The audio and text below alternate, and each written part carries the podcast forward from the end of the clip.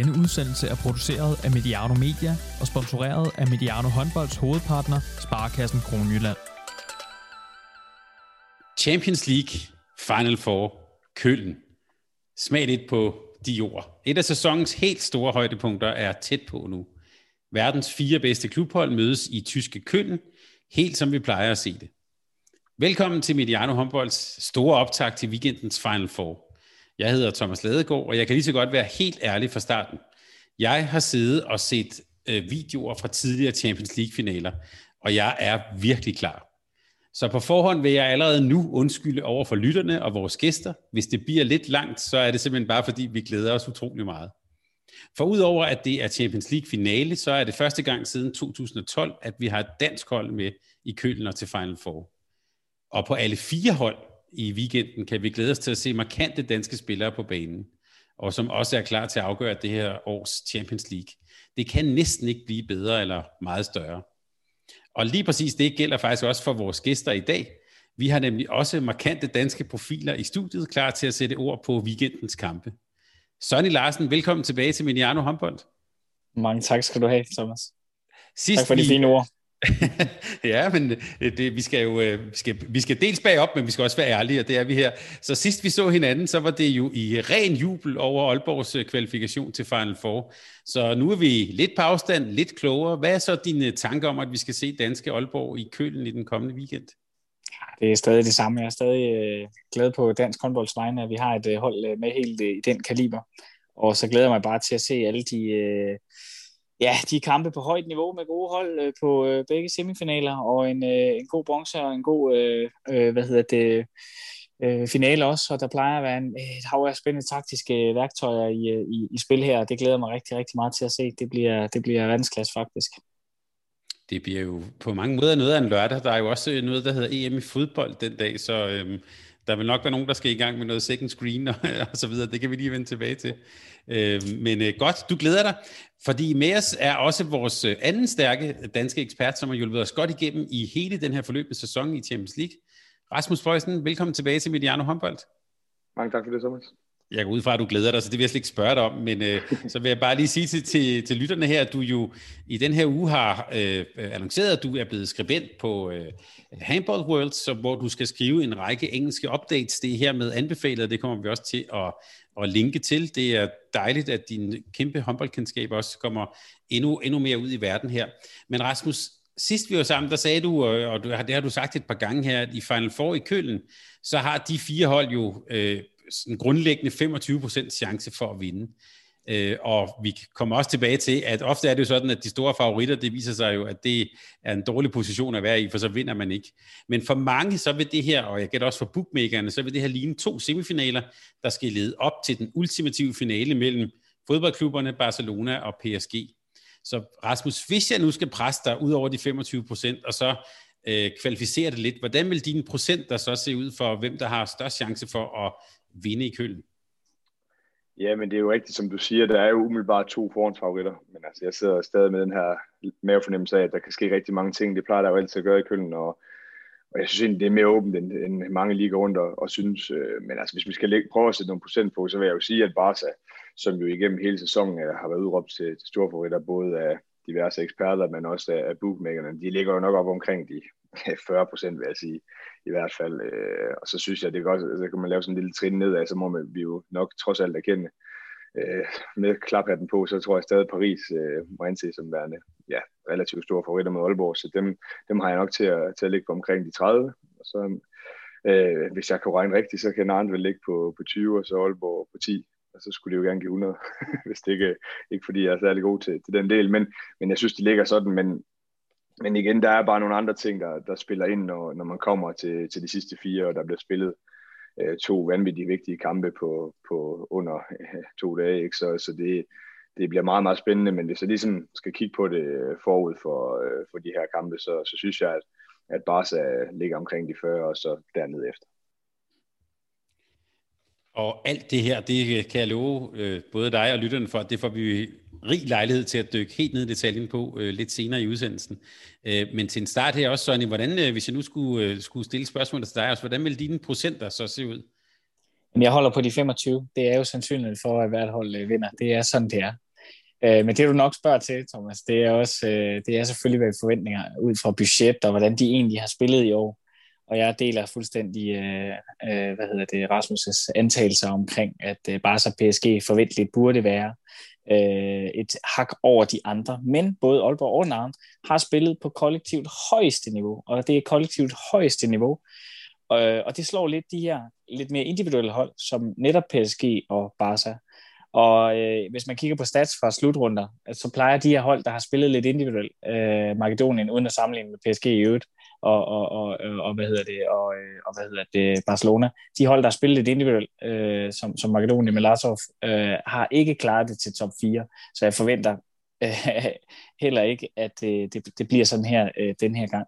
Og det er, øh, hvad hedder det, øh, øh, rigtig, rigtig tæt, de her semifinaler. Det bliver rigtig tæt, øh, og, og hvad hedder det, en af de favoritterne skal nok komme i finalen, øh, men det øh, tror jeg ikke øh, bliver dem, der løfter trofæet. Det tror jeg ikke. Godt, det er jo en fin lille cliffhanger, den lader vi lige hænge, så kan vi dykke lidt ned i semifinalerne senere. Øh, men før vi lige kommer dertil, så øh, øh, nu nævnte jeg jo lidt, at jeg havde siddet og set på videoer, så øh, det var bare for at komme lidt i stødet. Øh, så jeg synes lige, vi skal lave en lille smule stemning omkring det her Final Four i Køln. Jeg må med skam meddele, at jeg aldrig har været der i, i Langsæs Arena øh, til en Final Four, men det har du, Rasmus. Hvor mange gange har du egentlig været afsted?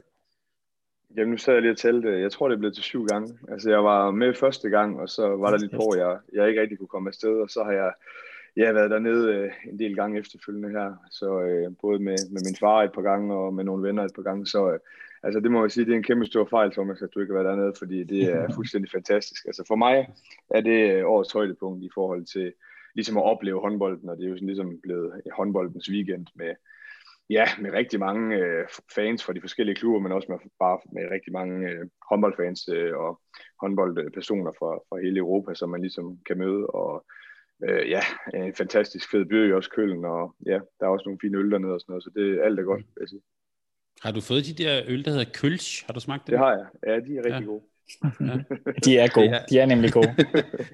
Det er det, der er godt. så, så der, der, der er også noget godt der. Øh, det lader til, øh, og Rasmus, det kan være, du, vi kan lige sige til lytterne, vi optager her onsdag aften, øh, at der må komme nogle tilskuere ind. Har, har du sådan en helt dugfrisk overblik over, hvor mange der må komme ind? Jamen altså, hvis alt går, som, som de ligesom håber på, og som det ser ud til med de her tal, øh, coronatal øh, i, i Køln-regionen dernede, så, så kan der komme 1000 ind, så vidt jeg ligesom har forstået. De har vist sat 500 billetter til salg indtil videre, og så øh, hvis det næste par dage holder, så der ikke lige pludselig øh, eksploderer med smitte, så, så tror jeg måske, de kan ramme 1000. Så det er jo selvfølgelig ikke så mange, men øh, der er nok trods alt nogle sponsorer og så videre, der, der bliver rigtig glade for sådan noget. Og, og, og for dig, der har været i arenaen, 1000 mennesker i langtidsarena, hvordan kommer det til at se ud eller lyde? det kommer nok til at se bedre ud end, end 0 i hvert fald, men jeg vil sige, at det er jo en, for det første er det en fantastisk arena, men det er også en fantastisk stor arena, så det kommer også selvfølgelig til at blive, blive specielt, og vi så lidt af det i, i damernes øh, Final Four i Budapest, hvor der trods alt var, var givet lov til lidt flere end 4-5.000, tror jeg det var, og der, der synes jeg egentlig, det virker som om, der var godt gang i den, øh, men det afhænger også lidt af, hvad, for, hvad det er for nogle folk, der får, får lov til at komme ind, øh, så øh, det må vi se. Der er jo ikke nogen tyske hold med i, i den her sæson, så jeg tror stadig umiddelbart, at det bliver sådan lidt en, en lav stemning, og det er selvfølgelig ærgerligt, men, øh, men 1000 er selvfølgelig bedre end 0.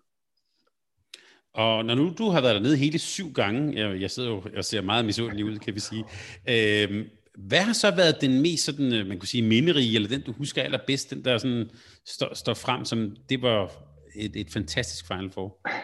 Jeg synes godt nok, det er et svært spørgsmål, fordi der har jo altid har været den her magi over stævnet, og altid nogle helt sindssyge ting, nogle helt vanvittige kampe, som, som har vendt rundt på en tallerken. Øh, jeg synes jo altid, at første udgave af sådan noget her det er altid stort. Øh, Kiel vinder, og det var, det var ligesom lagt op til, at der skulle være en, en tysk vinder, og der var helt fantastisk stemning.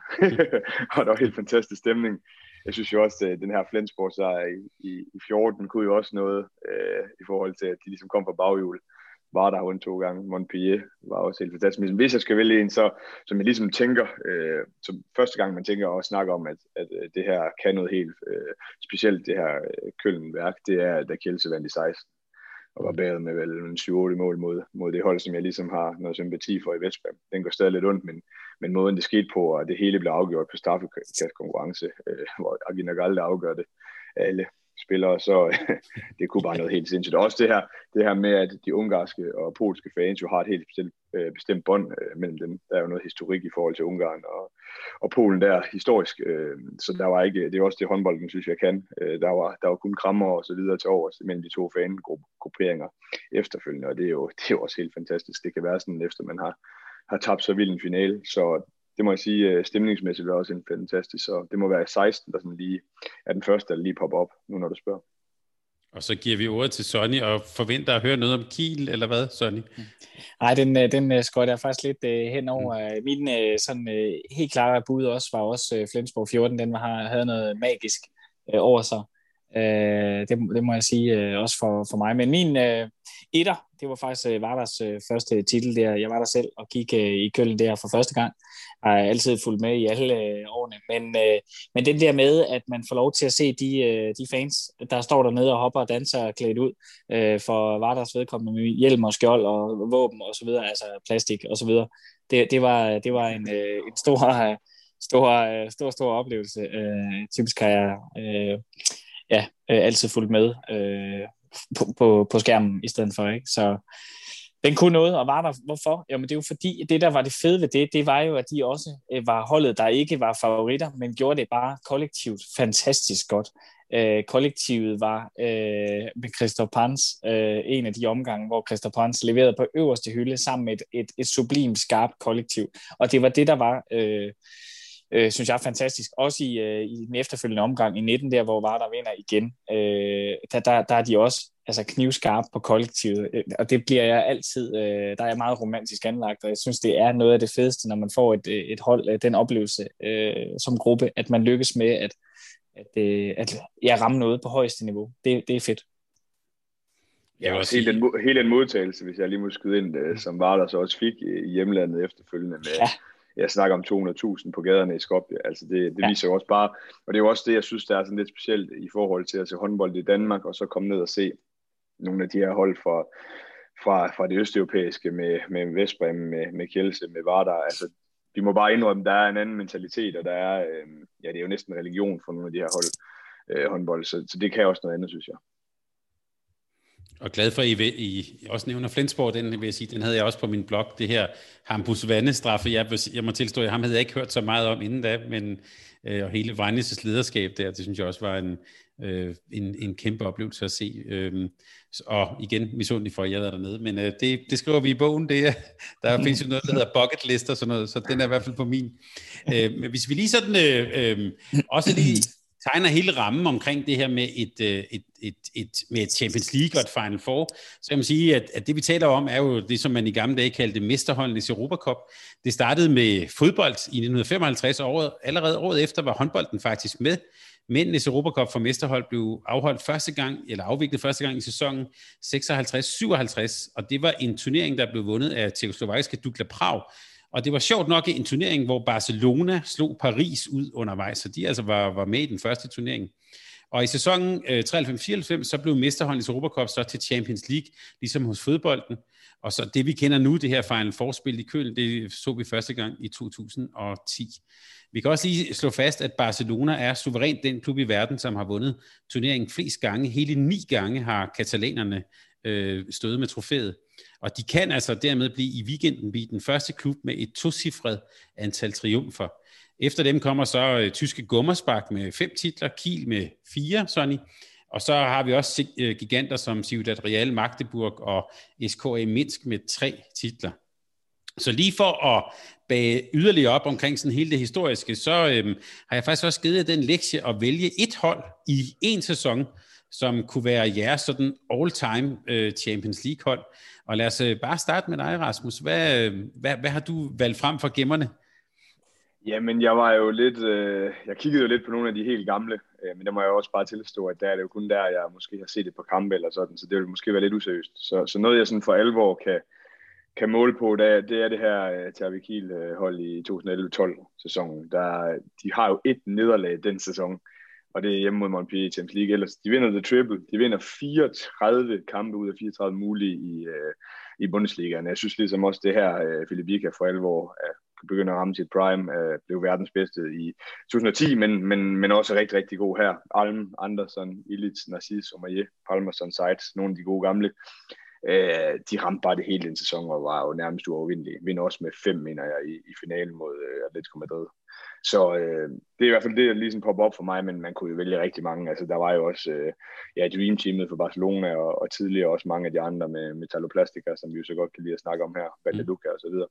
Øh, men, men jeg synes, det vil være lidt useriøst at vælge et hold, som, eller, som jeg ikke rigtig for alvor har fulgt. Så, så det har jeg i hvert fald med det her Kiel-hold i, i 11-12 sæson, øh, så det er jo sådan umiddelbart den, jeg, jeg tænker, der er vildest. Og det er jo jeg valgt, at gå, ja, at gå fra Kiel til dig, sådan.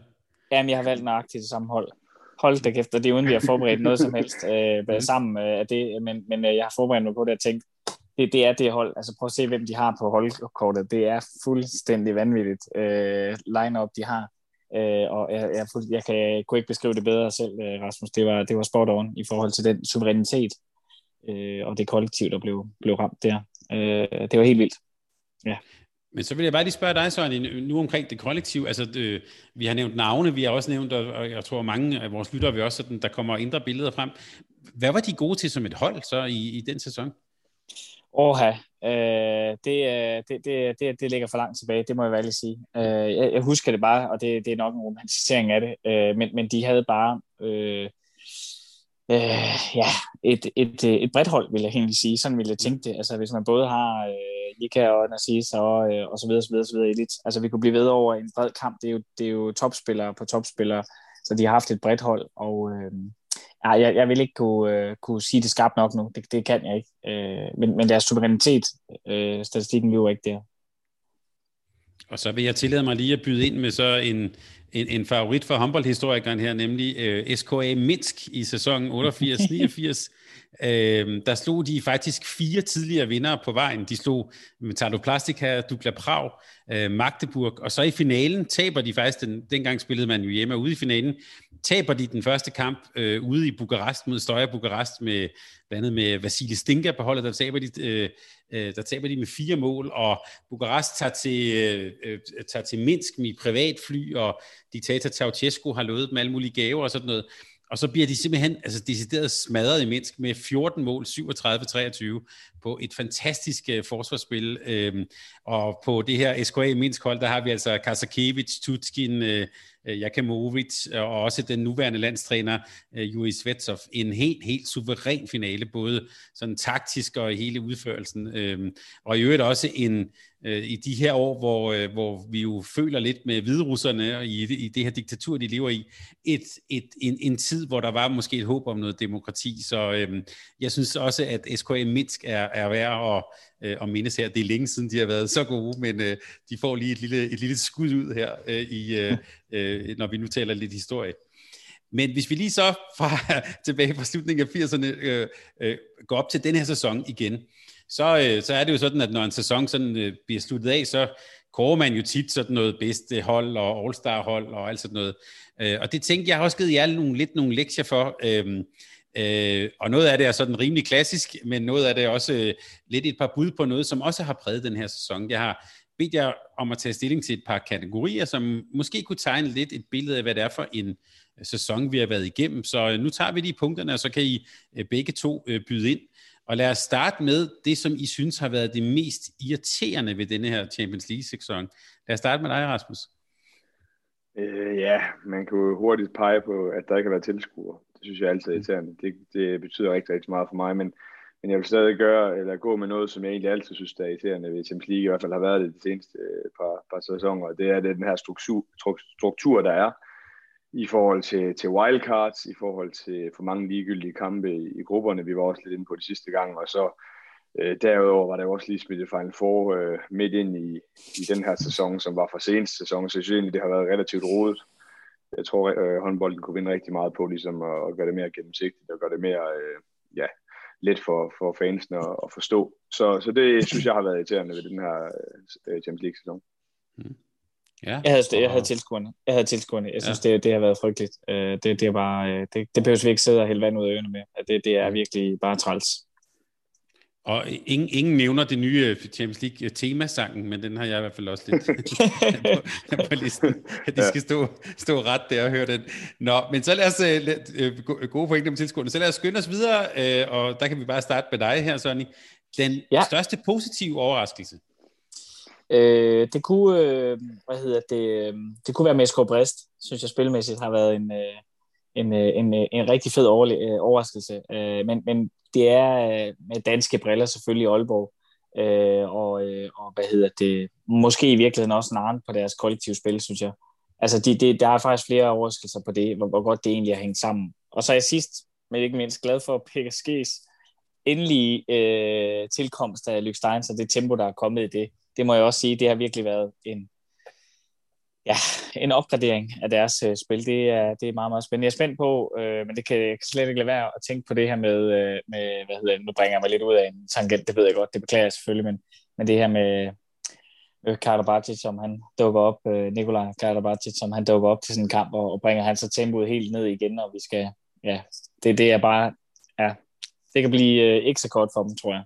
Men øh, Stærkt. Mange, mange gode ting, og man må godt gå ud af en tangent der på Mediano håndbold, det ved du. øh, hvad, hvad har du været sådan positivt overrasket over, Rasmus? Ja, men jeg synes jo, jeg er meget enig med, med Sonny. Øh, hvis man skulle tage et andet hold, som også har overrasket mig positivt, så er det Motor Saborce, som jeg øh, var, de var jo rædderlige i sidste sæson, men de har virkelig udviklet sig. Så har vi øh, Sabukinas øh, træneren, der har, har gjort noget godt ved dem, og de er begyndt at spille noget mere positiv håndbold. Det, det kan jeg rigtig godt lide, når nogle af de her østeuropæiske hold begynder på det. Øh, de har også nogle, nogle spillere, som har overrasket positivt, blandt andet ham Bokhan her, som vi også har snakket om tidligere, den store stregspiller, som jeg ikke tror bliver ved med at spille i, i Motor for evigt. Øh, Ja, jeg synes også, hvis vi skal nævne flere spillere, så må jeg også sige, at selvom vi, vi ved, at han har haft i sig, så den måde Emil Nielsen ligesom har, har fremstået på i, i nogle af de her playoff-kampe, men selvfølgelig også nogle af, af gruppekampene, det har trods alt været positivt og overraskende at kunne se på, at han, han trods alt har det niveau, som han har nu. Øh, så det er en af de ting, jeg ligesom øh, havde på bloggen, udover selvfølgelig, jeg vil også gerne nævne Aalborg. Det, det er fantastisk, det de har lavet, og, og selvom de gjorde det øh, rigtig flot til, øh, i sidste sæson, så er det da svært ikke at være positivt overrasket over, at vi, vi nu igen har et dansk hold i, i Final Four. Apropos vores dejspiller for, som du lige nævnte, jeg mener faktisk, han også er fra SKM Minsk oprindeligt, så har vi lige... Ja, det er han også, det er han også. så har vi lige knyttet ja. en, en, en, en tråd der. Men så lad os lige uh, tage, tage, tage de sure negative briller på, det skal vi også lige omkring. Rasmus, den største negative overraskelse i år? Der synes jeg faktisk, der var flere i spil. Det er jo aldrig så godt, når der, når der er flere i spil der. hvis, vi skal, hvis vi skal tage øh, på klubplan, så synes jeg, at øh, Zagreb, det, det ligner en klub i forfald. Det er jo lidt sørgeligt med så stor en klub med så store traditioner. Trods alt, nu, nu ligner det godt nok trods alt, de vinder, og det er kroatisk mesterskab, så vi da skal bøvle med dem igen til næste sæson i Champions League. Det kan man jo så lige eller være, men de ser ud som om, de også bliver bedre næste sæson. Men de har, de har været forfærdelige og tager jo alle alle kampe i gruppespil. Det er, jo, det er jo helt vildt faktisk. Så, så dem har jeg været meget, meget negativt overrasket over. Ikke fordi jeg synes, de... Det var ikke fordi min, min øh, sådan, tro på, at de skulle være et fantastisk hold, øh, var der, men de havde trods alt en, en okay favorabel gruppe, men, men de har været elendige, og de har jo givet op i nogle af kampene nærmest. Så, øh, og når man ved, hvor mange fantastiske spillere, der er kommet ud af den der øh, skole nede i Zagreb, så, øh, ja, så synes jeg godt nok, det er ærgerligt, at, at de er så dårlige. Men man kan selvfølgelig også nævne nogle af de hold, hvor, der trods alt har været lidt større forhåbninger til, som, som Vestbrem, Kjelse og, og Sækket, som jo også øh, ja, har, har overrasket negativt. Og bare, lad os bare lige blive ved den, bare lige en, en kort lille parentes. Øh, David Davis fyret i, i, øh, mm. i mandags. Var det verdens mindst overraskende nyhed? ja, det var det jo nok. Altså, det var det. det. Det må man bare sige, at det, det lå lige til, til højre hånd, øh, efter man ikke formår. Man har ligesom to, han havde to chancer den her sæson, både med Final Four i, imellem jul og nytår, men også øh, nu her, og så, så taber man så også til, til et sikkert hold, som har haft en elendig sæson, og har og nærmest ikke kunne stille hold, men, men så kommer tilbage og, og slår dem. Så øh, det, det skulle næsten ske, øh, når man ved, hvordan og hvorledes det foregår på de kanter der. Og en negativ overraskelse for dig, Sonja, er du på linje med Rasmus der? Øh, ja, men langt hen ad vejen, men hvis, hvis, hvis vi bliver spurgt til den største, så var det Vestbrem. Øh, der er kun én, øh, der, der, der har skuffet mig så meget i, øh, i år, øh, og det er ikke for at tage rundt, mere rundt i det, men det, det er bare, de har så godt et hold. De har haft skader, ja, men de har også stadig gode spillere til afløsning. Og derfor er de den største skuffelse i år. Zagreb, jeg elsker også kulturen og historien omkring øh, dernede, Tretoetten og skolen og sådan noget, men det var nok også forventeligt, at de var røde alligevel på et tidspunkt. Øh, ja, så, øh, så den, den er jeg ikke så kritisk over for i år. Jeg er med på, at de har lagt sig ned. Det har ikke set så kønt ud, men, men når det er sagt, så, så øh, den, der er kun en, øh, som er den største i år, øh, desværre. Øh, for de har virkelig et spændende hold øh, ved Sprim. Det har de altså. Men øh, det lykkes ikke, desværre. Nej, det er, også, det, er jo he, det er jo hele den måde, de ligesom har, har gjort det på, synes jeg, fordi ja. altså, de spiller så individuelt, at det går helt ondt. Altså, de ja. har jo nærmest overtaget den der øh, Paris-ting med det. Altså, det er jo måske i starten af sæsonen, at de spillede med lidt fart og sådan noget. Ja. Og øh, man kunne også sige, at med de skader, de har haft, så burde der måske være endnu mere styr på, på hierarkiet, men det har godt nok set håbløst ud. Ja, jeg tror, ja, det har virket som om faktisk, at hierarkiet har været fuldstændig, øh, fuldstændig fast, at øh, Hugo Bosan bare har bestemt. Altså sådan har det virket øh, til tider, at han kunne spille så lang tid, han øh, øh, egentlig ønskede, og, øh, og, og så så det så individuelt ud øh, i, i, øh, i resten af tiden, så, så det var det er fuldstændig enig med min oplevelse af håndboldspillet. Det, det blev lidt ødelagt af, at det der øh, forsvar fint nok. Øh, det, det, det er sådan set det, det er mere den anden. Det, alt med bolden, det er det, der har været, været øh, ja, det har været skuffende, hvis man skulle sige en, en negativ overraskelse. Så det er nogle gode, gode boldspillere. Det ser jo fedt ud, når Nenner de scorer et mål øh, underhånd rundt om tre, øh, eller kringler sig igennem de tre mand. Altså, det, det ser jo lækkert ud, men, men øh, det, det har ikke set så godt ud sådan med, med de kollektive briller. Og nu sagde jeg til en start, at vi skulle passe på tiden, men jeg kan simpelthen ikke lade være at lige spørge jer, hvad, hvad er det så for en træner, det, den her klub skal, skal lide efter?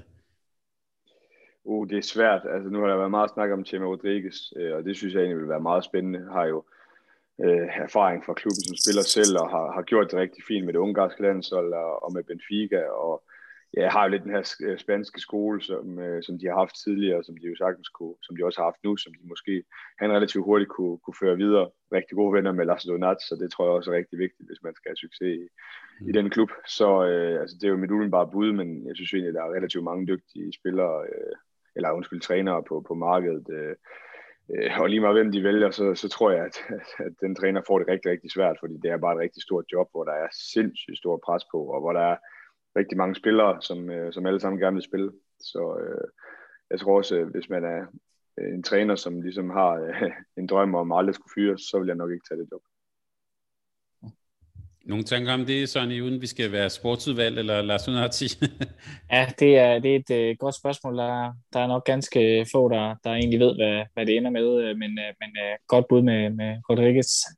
Øh, og men øh, enig i, at man nok skal forvente i den her trænerverden, at der er en levetid for alt, og noget slutter på et tidspunkt, uanset øh, hvor godt man nu engang har gjort det. Øh, og øh, og det, det er nok der, det bevæger sig henad øh, og der er mange øh, gode bud, øh, og jeg tror, man vil få øh, relativt stor succes øh, mere end, end i år, øh, uanset hvem det, det egentlig bliver. Det er lidt synd, fordi der Davis kom også øh, ind med en, med en rigtig god øh, bagage og havde været med på det gode hold og vundet og vundet og vundet og, og, øh, og sammen med Raul Gonzalez og den, den historie der. Øh, så det er egentlig, og har gjort det godt med Ægypten også, øh, når han har været træner der, så det er egentlig hammerende ærgerligt, at den øh, del øh, øh, lige præcis stopper. Så øh, Øh, hvis man skulle gå dybere ind i det, så skal man jo ind i at vide, okay, øh, hvad er det, vi har i vores organisation? Og det er jo der, hvor nogle gange at den der faglighed øh, bliver nødt til at komme lidt i spil, og det er selvfølgelig en, der har spillet på topplan. Øh, eller er det også en, der har øh, noget baggrund øh, i øh, noget andet? Altså har han systemet rundt om sig, der kan varetage nogle funktioner, øh, ledelsesmæssigt, så det ikke bare er håndboldspilleren, håndboldtaktikeren, men også har noget ledelseserfaring, som for eksempel, jeg tror, Raul Gonzalez, uden at kende ham, virker til at have ret øh, god hånd i de her spillere, øh, også på ledelsesplan. Lidt ligesom i din øh, podcast den anden dag med, med Stefan Madsen, havde en bevidst, øh, bevidsthed omkring den styrke og kvalitet, der ligger i hans lederskab. Han kan også håndbolden, men, men, men giver lige Arne og Adlerson de her opgaver omkring, når den lige står, hvad er det nu, vi skal køre på det her tidspunkt, på det her angreb her. Øh, og der den der kombination øh, kunne være en spændende kobling, synes jeg i hvert fald. Godt, tak. Så fik vi også lige besat det nogenlunde. øhm, så den næste kategori er en, jeg har kaldt sæsonens mest undervurderede spillere. Så kan man altid sige, hvad vil det sige at være undervurderet og, og, og sådan noget. Men jeg, jeg tænker sådan egentlig ret bredt, en som faktisk er meget dygtig, men som måske ikke altid får den, den store opmærksomhed. Så, hvis, øh, så jeg har bedt jer begge to om ligesom at pege på en, vi måske kan, kan løfte lidt frem her. Sonny, vil du begynde på en, som, som skal have lidt shine her i Mediano håndbold? Ja, jeg synes øh, egentlig, øh, jeg var mange igennem øh, og prøvede egentlig at kigge lidt på den med ja, den, den undervurderede. Jeg tror egentlig, den, der har overrasket mig øh, allermest, øh, det, er, det har i virkeligheden været Emil Nielsen som, som spiller. han har egentlig, øh, synes jeg, været et kort, der har været overraskende godt. Talen Dushibayev, der sidder til, til, til mødet der øh, foran Wolf øh, og lige siger øh, godt gået og så videre og så videre. Ja, jeg synes også, det fortæller en, en det havde han sgu ikke lige regnet med øh, historie. Og det, det synes jeg, den har noget kant. Øh, og, og, og det er selvfølgelig også set lidt med danske briller. Selvfølgelig er det det. Man kunne måske faktisk sige, at lige præcis det er, det er ikke en kategori, vi har, men det kan vi sige, det kårer jeg så her med til årets Champions League øjeblik. Øh, Hvem har du, Rasmus, hvem har du kigget på, som en, kunne, som kunne, en vi skal give lidt ekstra spotlight her? Jamen, jeg synes altid, det er svært det der. Altså, øh, jeg har jo valgt en spiller, som rigtig mange øh, kender, og som vil, rigtig mange vil synes er, er en fantastisk spiller. Der er Skube øh, i, i Brest. Og der er nok ingen tvivl om, når man nævner Brest, så, så nævner man også ham. Men altså, jeg har også lidt set på hans karriere, og altså, for mig er det stadig lidt uforståeligt, at han, øh, at han kan ryge til Brest. Jeg ved godt, der er mange penge i den klub, men, men når man for eksempel ser sådan et hold som Paris Saint-Germain, som lige præcis manglede sådan en type, inden at de fik Steins, at, at han så ender i sådan en klub, det viser også lidt, at han ude på markedet er lidt undervurderet. Blev jo også reelt set smidt ud af, af Pick Sækket i sin tid, hvor at, at de så hellere vil have Bombard tilbage, hvor han så tager til, til Vardar og, og, og vinder Champions League der. Så der er jo bare, altså, jeg synes hele tiden han har været lidt undervurderet. Måske også kvæg hans størrelse, det ved jeg ikke. Men, øh, men jeg synes i hvert fald, at han gør rigtig, rigtig mange gode ting. Øh, øh, offensivt for, for et, øh, et bristhold, som jo, ja, det er, det er et fint hold, men, men de har spillet over evne i den her sæson, synes jeg. Så ham kunne jeg godt tænke mig at nævne, øh, også selvom jeg godt ved, at, at der er mange, der vil sige, øh, hey, jamen, øh, han er da ikke undervurderet, han bliver hele tiden nævnt som fantastisk seværdig spiller, men, men jeg synes, man skal se lidt mere et historisk perspektiv, at, at der har han været lidt undervurderet, synes jeg. Godt, gode pointer. Øhm, så til sidst her, der vil jeg så lige bede om at, at slå lidt sammen. Der har jeg lavet sådan tre meget klassiske sådan øh, bedste målmand, øh, bedste træner og i det hele taget bedste, øh, bedste spiller. Øhm, så det må I godt lige sådan putte, putte navne på, øh, alle tre. Øh, så Rasmus, hvem har du som øh, målmand, træner og, og sæsonens bedste spiller? Hvis du har spurgt mig inden øh, kvartfinalerne, så har jeg været ret hurtigt til ligesom at smide, øh, smide Benjamin Bodis ind. Øh, jeg synes ikke, når det er sådan en sæsonens bedste målmand, så skal de altså være med i Final Four, og det er jo også lidt, en, en dårlig opgave, du har givet os her, Thomas, og, og skulle, lave sådan et hold, skulle, skulle lave sådan et hold, inden øh, det hele er afgjort. Ikke? Det, det er sådan noget, det kan jeg normalt ikke lide, når, når de der All-Star-hold, de kommer uh, inden uh, de, de vigtigste par kampe er spillet i, forbindelse med slutrunden og sådan noget, så bliver jeg jo rasende jo. Men, men nej, spøj til side, så... Men så en til videre i sæsonen. ja, men jeg har faktisk valgt Emil Nielsen, og det synes jeg også uh, er han ligesom har bevist, at han har været bedst, når det skulle øh, afgøres, har jo båret sit hold på, på ryggen i en, en rigtig, rigtig svær vej til en Final Four, øh, hvor, hvor de jo både har slået, øh, Øh, slået Kjelse og, og Vestbrem ud. Så det må man jo bare sige, at øh, der har han været, ja, som, som Sonja også nævnte før, som den gode Dushibayev jo sagde, der har han jo været helt magisk. Så, øh, så det har ligesom været ham, jeg har gået med, selvom jeg også synes, der er mange andre, der har, har været dygtige, og synes, det var rigtig synd for, for Benjamin Budis, den måde, hans sæson ligesom blev afsluttet på, fordi han havde virkelig været god indtil da. Øh, sæsonstræner, øh, ja, jeg har egentlig valgt Stefan Madsen. Nu bliver det jo lidt dansk det hele, men jeg synes, det han har gjort, altså når man tager øh, Aalborg til, til en Final Four, så synes jeg, det er svært at se bort fra ham. Og så sæsons bedste spiller, synes jeg faktisk var rigtig svært. Altså jeg synes ikke rigtigt, der er nogen, der sådan for alvor har skilt sig ud. Øh, det er jo altid nemt at og, og sådan nuppe en målmand der, fordi de har så stor betydning øh, for spillet. Men jeg har alligevel valgt at gå med Alex Dushibayev. Øh, jeg synes altså, han øh, har været fantastisk for, øh, for Kjelse og har båret dem, og selvom de jo skuffede lidt, så øh, synes jeg bare, han er en fantastisk øh, dygtig spiller, som kan rigtig mange ting, som er dejligt svært at se på. Øh. Men jeg har lidt svært med, at jeg, at jeg vælger en spiller, der ikke øh, er med i Final Four. Så, men, men det er de tre, jeg ligesom har, har valgt at gå med. Rasmus, jeg lover, at når det hele er overstået, så får du mulighed for at, at gøre det om, når vi ved, hvordan det endte. Det synes jeg er en god pointe. Øh, før vi lige hører øh, dine bud på målmand, træner og, og spiller, Sonny, så vil jeg bare lige spørge dig, øh, nu vi taler Budic, hvordan havde du det med at se Kiel-legenden Henning Fritz i, i Flensborg-trøjen? Ja, det, det, det vækker, det vækker øh, mere øh, og stærkere følelser, øh, når man ser Budic gå ud på den måde. Det gør det også hos mig. Det må jeg sige, det var egentlig frygteligt.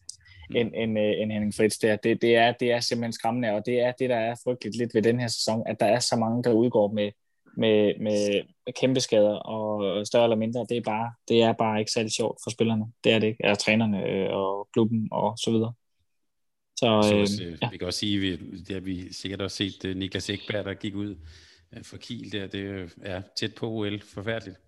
Nå, men, vi, men nu skal vi kåre nogen, der... Øh, nu skal vi lige have de positive briller på her. Så ja. øh, målmand, træner og spiller, og Sonny, lad os ja. høre. Ja, men øh, Emil øh, Nielsen, øh, sejr mod øh, Kjelse med flere, altså helt vildt. Det, øh, det er klart sæsonens bedste målmand øh, for mig at se. Jeg havde også luret på Buic, men øh, han er ikke i Final Four. Så havde vi Stefan Madsen og Arne Adlersson som øh, sæsonens træner. Øh, Porto, Flensborg, sejr ude ved Sprem. Hvis der skulle være en anden kandidat der, så synes jeg egentlig Interias, Alberto Interias, øh, Nantes, øh, synes jeg, for det mandskabsoptimering, øh, han har lavet af kollektivet. Øh, den historie, det, det giver også for mig øh, gåsød på armene. Og ellers sidste øh, mand her på, på så som sæsonens spiller, det er øh, Emil Nielsen. Men ellers havde jeg faktisk også noteret mig Stage Skube her i den her kategori, for jeg synes, han har været øh, fantastisk at følge, og det har været en fornøjelse øh, i den her sæson og se, hvad han har drevet holdet øh, fremad til. Øh, måske en lille, øh, sådan en personlig favorit, øh, sådan lidt på et tidspunkt, det er virkelig en Malasinskas, Motor Saborosje, øh, playmakeren, øh, om, om det lige er sæsonens bedste spiller, men jeg synes bare, at han har faktisk været rigtig, rigtig interessant at følge her i år, og det, det tror jeg, man, man, man underkender lidt. Øh, det kunne også være ham, der var øh, undervurderet, øh, men, men i virkeligheden, han har virkelig også været, været en fornøjelse at se, og han er, han er hammerende svær at spille mod fordi han har øh, et afløb begge veje, øh, og et okay skud, men, men rigtig dygtig på det her lille øh, øh, løb på kanterne, øh, og de viderespil, der ligger der. Han har, han har også været en fornøjelse øh, at følge. Stærkt, og jeg hører også, at der jo er en pæn enighed i, i blandt jer. Det, det, det, det, det tager vi til. Det, det er lidt kedeligt. ja, og jeg tænker også, at Emil Nielsen må gå herfra næsten med røde ører, så meget vi har ros. Øh, så, så øh, stærkt. Øhm, nu, nu har vi talt lidt om de danske spillere, og øh, lige om lidt, så skal vi dykke rigtig godt ned i de to øh, semifinaler og, og lige tale om holdene, men vi kan jo i hvert fald sige, at der jo er, som jeg nævnte indledningsvis, danskere på alle holdene, helt naturligt selvfølgelig også i, øh, i Aalborg, men øh, i Paris, Mikkel Hansen, Henrik Toft selvfølgelig, Kevin Møller, Kasper Mortensen i Barcelona, og Emil Nielsen og Sebastian Augustinsen. Han har ikke spillet så meget, jeg har dog set, at han har scoret 14 mål i sæsonen for, øh, for Nantes. Øh, men det her med, øh, øh at der er så mange danskere her, er det Øh, er det bare tilfældet, Rasmus, eller er, øh, altså, øh, du har været i, i, dernede så mange gange, hvor det er trods alt usædvanligt, der er så meget øh, dansk og danske spillere i, øh, i Final Four. Hvorfor er, hvorfor, er vi, hvorfor er de danske spillere så gode lige nu? Man kan jo sige, det hjælper jo selvfølgelig noget på det i forhold til, at mange spillere i Final Four, at der er dansk hold, der, der kvalificerer sig. Jamen, det ved jeg ikke. Altså, det, det synes jeg er et svært spørgsmål. Jeg synes, at bredden øh, i forhold til at have mange dygtige spillere, den er helt vild. Altså, vi har så mange dygtige spillere, som øh, kan gøre sig gældende på, på det danske landshold. Øh, og ja, så synes jeg også, at vi har været, altså man må bare sige, at klubberne derude gør et rigtig godt, rigtig godt øh, job, både de ligeklubber og førsteklubber, som udvikler spillerne, men også længere ned i systemet. Det må vi jo bare sige, at, øh, at der bliver lavet noget rigtig godt. Den danske liga er en, er en god udvikling, og, og det kan man også se, at nogle af de største klubber i verden øh, relativt tidligt efterhånden kigger mod, mod de spillere, øh, de talenter, der render rundt i den danske liga øh, så de kommer tidligere til udlandet, synes jeg, jeg har en, øh, en fornemmelse af. Så, så jeg tror, der er mange ting, der er i spil, øh, men øh, vi har i hvert fald øh, historisk øh, dygtige spillere, og det, man kan jo også bare se på, på de målmænd, der render rundt lige nu, altså det er jo, vi er jo, man kan jo ikke vinde noget efterhånden, hvis man ikke har en dansk målmand. Så, mm.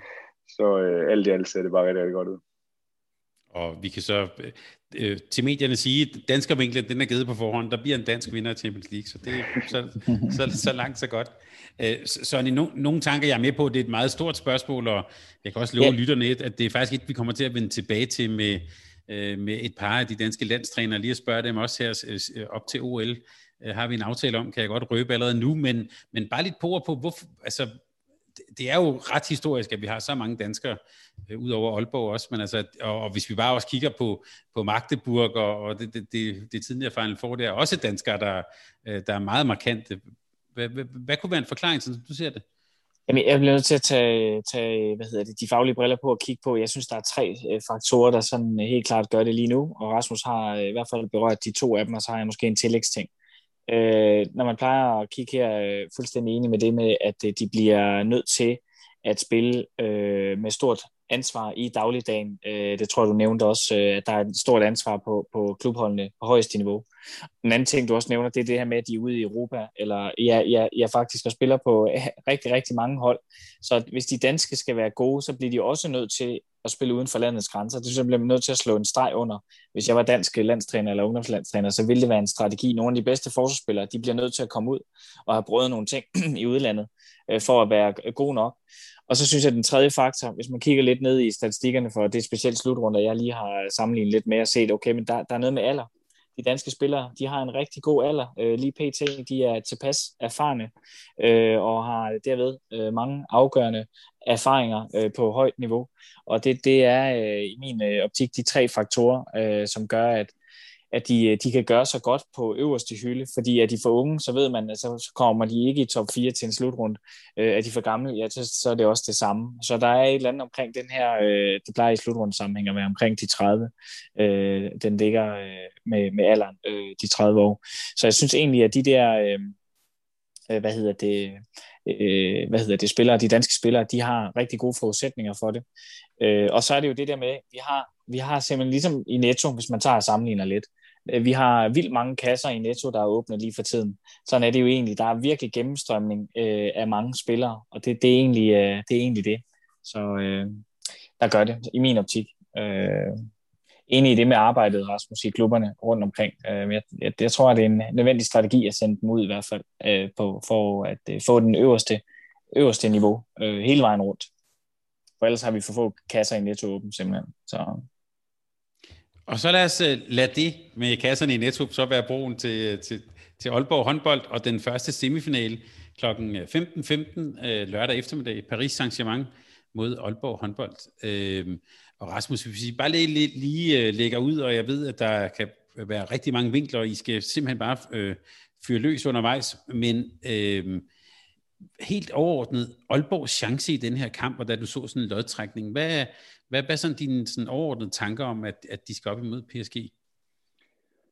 Øh, jeg tænkte, at uh, uanset hvem de vil få, så vil de jo måske være underdogs. Uh, jeg tror egentlig, det var meget fint i Paris, som jeg ser det. Uh, måske kvæg, at uh, Paris' målmænd ikke uh, har været særlig gode den her sæson. Uh, og så tror jeg egentlig, at uh, altså, man ville selvfølgelig gerne undgå Barcelona, og måske vil nogen også sige, at, at Nantes havde været foretræk, men, men jeg synes, Paris ligger på, på den måde okay til, til, til Aalborg. Jeg, der er god grund for at få, få løbet noget kontra, øh, som jo er en af Aalborgs helt store øh, ja, våben, synes jeg. Øh, så øh, så det, det tror jeg egentlig, at det kan godt blive godt, men der er jo ingen tvivl om, at, at Paris er et rigtig stærkt hold, som jo øh, ligesom øh, vi også har været inde på, er blevet øh, et helt nyt hold efter, at Luke Steins er, er kommet tilbage. Men, men jeg synes egentlig også, det er en fordel for Aalborg, det her vi snakker med, med Nikola Karabatis, kan, kan være på vej ind igen og kan gøre noget ved, ved Paris' hierarki. Og så er der ingen tvivl om, at Paris tidligere har haft rigtig svært ved at præstere, når de øh, er store favoritter. Det må vi jo så sige, at det, det er i den her kamp. Så øh, jeg synes egentlig, der er mange øh, grunde til optimisme, men øh,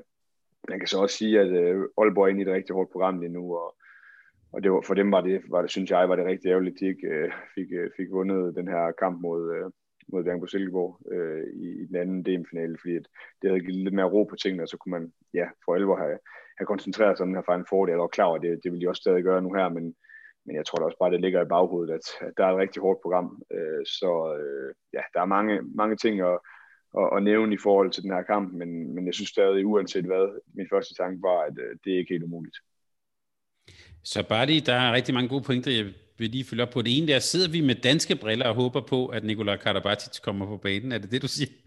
100 procent. Altså, jeg, jeg er faktisk heller ikke i tvivl, om han kommer på banen. Altså, nu har han spillet relativt meget de seneste to kampe.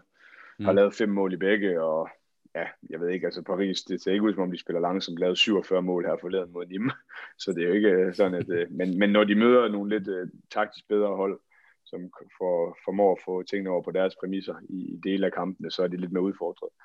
Og ja, altså jeg ser det klart som en fordel, at en spiller i, i hans alder, øh, som jo uanset hvordan og hvorledes vi, vi vinder og drejer det, så har han været nedadgående de seneste par sæsoner. Og så, så øh, oven i hatten har været ude i, i lang tid med en alvorlig knæskade. Hvis vi så kan få, få ham i spil øh, i forhold til, så må det også være gjort et eller andet rigtigt. Øh, jeg tror, da planen er, at, at det er Luke Steins, der skal starte. Jeg tror ikke, man kommer til at lave om på den del, men, men skal han ind og spille nogle vigtige minutter, Nicolai Kadabati, så er det i hvert fald noget, som Aalborg skal, skal ind og udfordre ham på, vil jeg sige.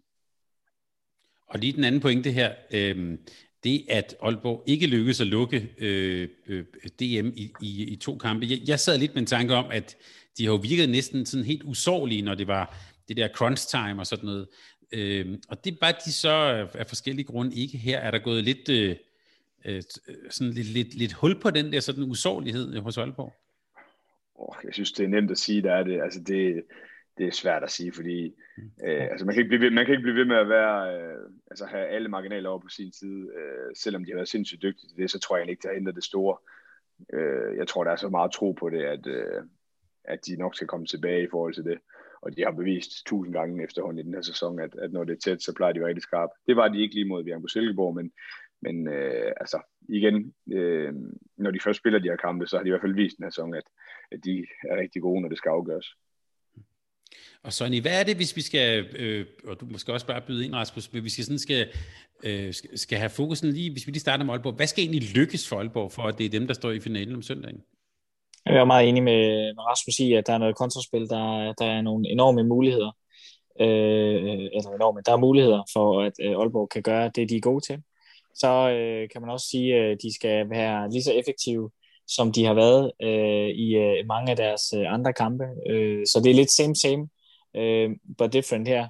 PSG øh, selvfølgelig også er, er høj kaliber og lidt dygtigere end dem, de måske lige har mødt øh, for nylig her, men, men, øh, men øh, på papiret i hvert fald. Men jeg tror, de har deres muligheder. Øh, der er mange ting, der skal, skal rammes. Øh, målmandsposten, klassiker, men en vigtig post, det kommer vi ikke udenom.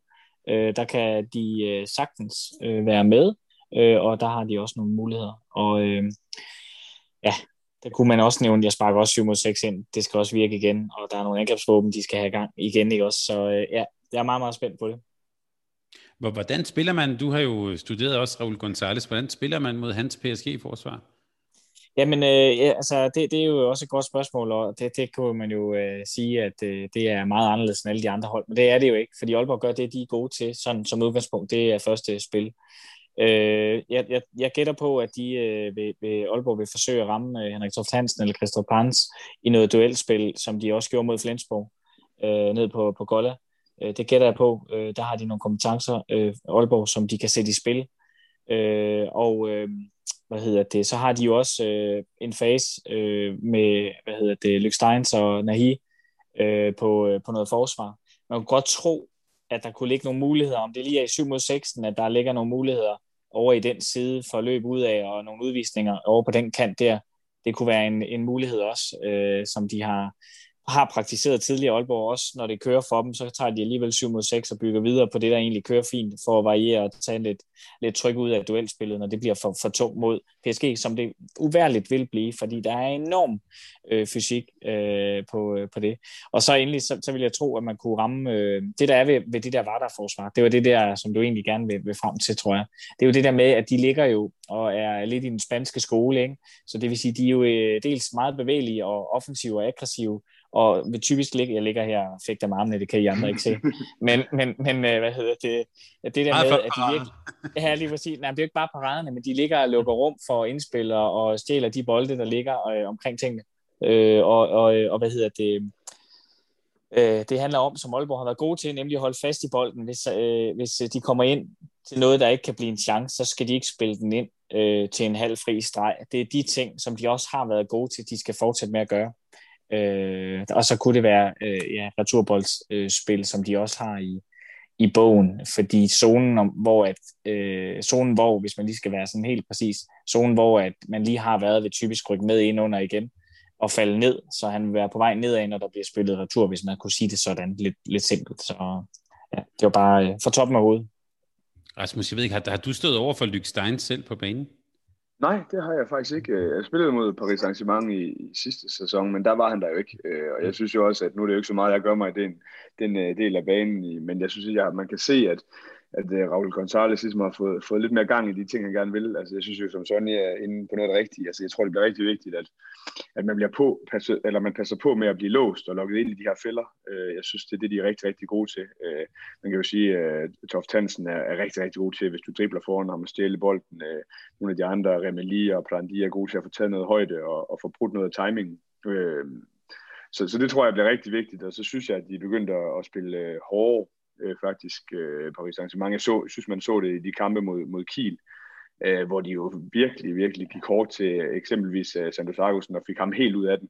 Det tror jeg også bliver en nøgle, at, at man ikke øh, lader sig kyse af det her hold, for de kommer virkelig til at gå til den. Øh, og man må også bare sige, at de er jo nok øh, øh, Aalborg overlegne. Så det er nogle andre ting, man ligesom skal arbejde med. Så tror jeg på, at der bliver en stor nøgle i kampen øh, i forhold til Øh, at få angrebet i, i højre side af banen. Øh, Lucas Sandel øh, bliver en nøgle. Øh, nu læste jeg Handball til dem, øh, der ikke kender det, så er det sådan et øh, analysebyrå, kan man vel kalde dem, som går ind og kigger på nogle af de her ting, blandt andet noget XG, altså expected goals og, og så videre, og, og der viser det sig, at, øh, at øh, Paris lukker rigtig, rigtig få mål og, og tillader rigtig, rigtig få afslutninger i højre siden af banen, mens Aalborg omvendt har rigtig mange afslutninger derude fra, fra den position. Både Lukas Sandel, som jo er god til begge sider, men også blandt andet Magnus Saustrup, som er rigtig dygtig til at rykke ud i de rum, øh, og dem bliver der mod, øh, mod Paris, fordi de løfter, som de gør. Så øh, jeg tror, at det vil også blive en del af nøglen, at øh, hvis Lucas Endel kan spille en rigtig god kamp igen i Champions League, så, øh, så er der en, en stor chance for, at man i hvert fald kan, kan få gjort det godt offensivt. Øh, men jeg tror stadig på, som vi også var inde på, at uanset hvordan overledes man gør det mod, mod Paris' forsvar, som er rigtig stærkt, så, så bliver det rigtig vigtigt at få nogle, nogle kontramål sat ind også.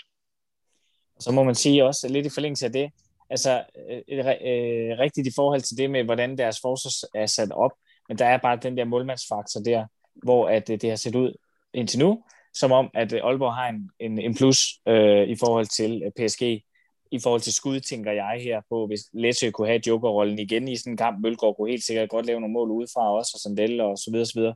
Så, så, så, øh, så jeg, jeg tror egentlig, at, øh, at den der overvægt øh, på forsvaret, den tyngde, som PSG egentlig har, den bliver lige modvaret lidt af målmanden, og så er der egentlig lige muligheder øh, lige, øh, lige der, som jeg ser det. Ja, hvis jeg må byde ind der, så tror jeg også bare, det bliver vigtigt, at man i hvert fald øh, får afsluttet de her øh, angreb øh, rigtig fint, fordi øh, selvfølgelig kan man ikke score på alle angreb, men, men der er også stor forskel på, om man, man tager et, øh, et, et, et halv chance, fordi der er øh, Paris efterhånden bare så stærke i, øh, i kontrafasen også. Altså, den har ja. de jo ligesom fået med efter øh, Luke Steins også er kommet med, hvor man kan øh, dække ud på fløjen med, med ham, og han kan føre bolden op, og så man har Dylan Nahi, der også kan dække en bak. Altså der, det giver virkelig nogle muligheder i deres anden bølge øh, kontra øh, øh, Paris, og det synes jeg også er noget af det, de har været med, eller har, har fået med, og det er også derfor, de ligger i, i den hjemlige liga, også i nogle af Champions League-kampene, og, og laver langt over 30 mål, så, øh, så det bliver rigtig vigtigt at få afsluttet angrebene øh, ja, på en god måde. Og der er jeg helt overbevist om, at øh, Aalborg øh, vil fastholde det øh, massive fokus på lige præcis det der, for det er jo det, de har været rigtig gode til, og specielt i crunch time, at passe på bolden. De har ikke lavet ret mange fejl i den fase af kampen, øh, og det bliver så øh, på 2 gange 30 der er crunch time der for Aalborgs vedkommende fuldstændig enig. Så. Rasmus, bare lige kort, da, når jeg lige øh, prøvede at spørge dig, om du havde mødt Lyk Stein, så er det fordi, jeg tænkte, som en dygtig forsvarsspiller, hvordan skal man egentlig øh, dække ham op? Nu sad jeg sådan og kiggede på, hvordan Dunjak prøvede og, og, og så videre. Hvordan skal man stå på sådan en spiller som Lyk Steins? Ja, puha, det er jo svært. Altså, det afhænger selvfølgelig også lidt af, hvordan man dækker op. Øh, man kan jo sige, at, at det, der er godt for Aalborg i forhold til det, det er, at de er rigtig, rigtig dygtige til at få pakket deres forsvar, altså stå rigtig kompakt ind i banen. Og det han er rigtig, rigtig god til det er, når der bliver store rum øh, mellem de, de forskellige spillere. Øh, og der har jeg også trods alt også stået over for nogle andre spillere, som er hurtige. Altså de, de her moderne playmakere, mm. som, som kan lidt på egen hånd, men som også er, er gode til at sætte noget fart i spillet og, og, og gøre sin bakskue. Øh, men han er øh, altså helt vanvittigt hurtigt set ud som om, og, og kan virkelig retningsskifte rigtig, rigtig hurtigt. Så jeg tror egentlig, at Aalborg, øh, Aalborgs forsvar er, er ganske okay mod ham, fordi, som jeg sagde før, at de står kompakt og er gode til at hjælpe hinanden, og så må, må man få nogle flere afslutninger ud af i banen. Øh, så, så, øh, men han er svær at have, have med at gøre, og øh, altså, når man så pakker ekstra meget på ham, så bliver der jo bare plads til, til de baks, der er, og der har, vi, har de jo også nogle baks, der virkelig ja, kan lave nogle fine mål, man så jo også på, at de øh, virkelig Øh, fik øh, taget øh, god hjælp af den her fart, som han fik skabt i kampen mod Kiel, især i, i den sidste kamp mod Kiel, hvor han nu laver en, jeg tror næsten, han laver 10 mål uh, på Randi, fordi han er også relativt hurtig, men også sindssygt atletisk, så han kan komme på første skridt, og så kan man ikke rigtig gøre noget. Så det bliver selvfølgelig en stor opgave, men, men umiddelbart synes jeg egentlig, at Aalborgs forsvar ligger rigtig fint til det. Jeg synes, at der er nogle andre øh, ting, som ligesom har vist sig her på det seneste med, med Aalborgs forsvar, der har været, der har været svært for dem, øh, særligt på den her højre position, hvor ja, man har jo Lucas Sandel, som, øh, som er en rigtig, rigtig god øh, angrebsspiller, men ikke har den store øh, erfaring øh, på, på det helt høje niveau. Jo, han har dækket op i både til VM, men også øh, i Champions League, men, men det har ikke set helt så godt ud. Jeg synes, det, det, det har set særligt skidt ud i seneste program. Jeg synes, at Bjørn Silkeborg var rigtig, rigtig gode til at udnytte den del, og det virker også som om, det er noget, Aalborg har, har kigget på, fordi Benjamin Jakobsen øh, relativt hurtigt kommer ind på den her bak for, for dem op for det. Men det tager jo selvfølgelig også noget øh, væk fra kontrafasen, hvis man gør det på den måde. Så det bliver også en nøgle, at man ligesom øh, formår at få, få lukket af der, fordi øh, ja, man kunne godt forestille sig, at, at man gerne vil sætte, øh, sætte Luke Steins over for, for Sandel i nogle af de her situationer, og så, så får han det selvfølgelig svært. Jeg har slet ikke tænkt på et matchup mellem Benjamin Jacobsen og Luke Steins. Det bliver, da, det, det, bliver, det bliver ganske, ganske godt. Øhm. Hvor mange gange, Rasmus, vil du tage Luke Steins ud af 10 gange egentlig? Nej, det ved jeg godt nok ikke. Jeg skal nok vælge rigtig halvdelen af gangen, hvis jeg bare går ind af siderne. Nej, jeg ved det ikke. Det, han, han, han er, han ser, nu har jeg aldrig spillet over for ham, men han ser sindssygt hurtigt ud. Og det, jeg synes, han er rigtig dygtig til, det er jo at finde den her timing. Og det er jo også det, jeg gerne vil med mit, med mit forsvarsspil. Øh, prøve at finde timing, så man, så man ligesom undgår at, at skal bevæge sig for meget på de her spillere. Øh, men der ser han ud til at være, være rigtig, rigtig skarp i forhold til ligesom at, at kan komme med høj fart for stor afstand. Så bliver det sværere at tage timing på ham. Så, øh, så jeg synes, han, han ser ud til at være sindssygt dygtig. Og Sonny, bare lige til sidst her lidt, lidt på Aalborg. Hvordan skal de bruge 7 mod 6 spillet? Det var du lidt inde på. Er det til at... Øh, altså det, det kan selvfølgelig være, hvis de er bagud selvfølgelig, men hvordan vil du sådan tænke, at de, at de kunne bruge det? De brugte det. Jeg har ikke brugt det så meget mod BSO. Nej, men, øh, nej, men de har jo brugt det tidligere også øh, sidste år. Mm. Altså bruger det som et, øh, et værktøj, øh, øh, også når det går godt. Og jeg, jeg, jeg, når jeg hører Stefan øh, lidt til det, så er det, øh, når de skal have lidt luft i øh, duellerne. Så de ikke bare har duel på duel på duel og så videre. Så de får lidt øh, mere på skuddet øh, og indspillende. Og det er egentlig øh, at fløjne med i det spil. Øh, det er egentlig det, de bruger det til som øh, værktøj, som en, en del af værktøjskassen, og som en del af planen. Øh, jeg tror mod PSG, der tror jeg, at øh, noget af det rum, som Rasmus snakkede om ude i, øh, i, øh, i højre side af banen, øh, kunne, øh, kunne åbnes op med, med ja, 7 mod 6 for at give øh, nogle af de øh, stregmuligheder, men også for at give skuddene, hvor at, øh, Aalborg egentlig har ganske fine muligheder for at skyde på målmændene. Øh, jeg ved godt, det er paradespillere på, på rigtig, rigtig højt niveau, øh, og, men jeg er egentlig overbevist om, at, øh, at, øh, at der har de nogle øh, muligheder. Det jeg tænkte på, det var, at øh, der hvor Aalborg egentlig har spillet det over mod, øh, jeg sagde i det her tilfælde mod Nahi og, og Luke Steins, altså der har de spillet det sådan, at de har startet presset i venstre side, og så har centerspilleren løbet omkring den screening, der ligger på ja, 4 og 5, øh, eller øh, venstre 3, vil nogen sige, og, og så har de spillet overtallet den vej ud af mod højre, øh, eller skudt. Og det, det, det var det, jeg tænkte på, dengang jeg sagde det med Nahi og Luke Steins, fordi kunne man først ramme, at Sandel får nogle gennemløb, og måske endda hiver en udvisning på Luke Steins øh, i nogle faser af kampen, så vi skal have Nikola Karabatic ind og trække noget tempo og så videre, så videre. Altså sådan, sådan så, at de falder lidt øh, PSG. Øh, det, det vil være en det vil være øh, best case scenario, øh, tænker jeg i virkeligheden her, at, øh, at man kunne få, øh, få det spillet, øh, spillet ind, øh, samtidig med, man har skuddene øh, fra distancen, når man spiller 7 mod 6 øh, som Aalborg fint kan eksekvere med Nikolaj Læsø, hvis han har en, en jokerrolle den, den kamp der.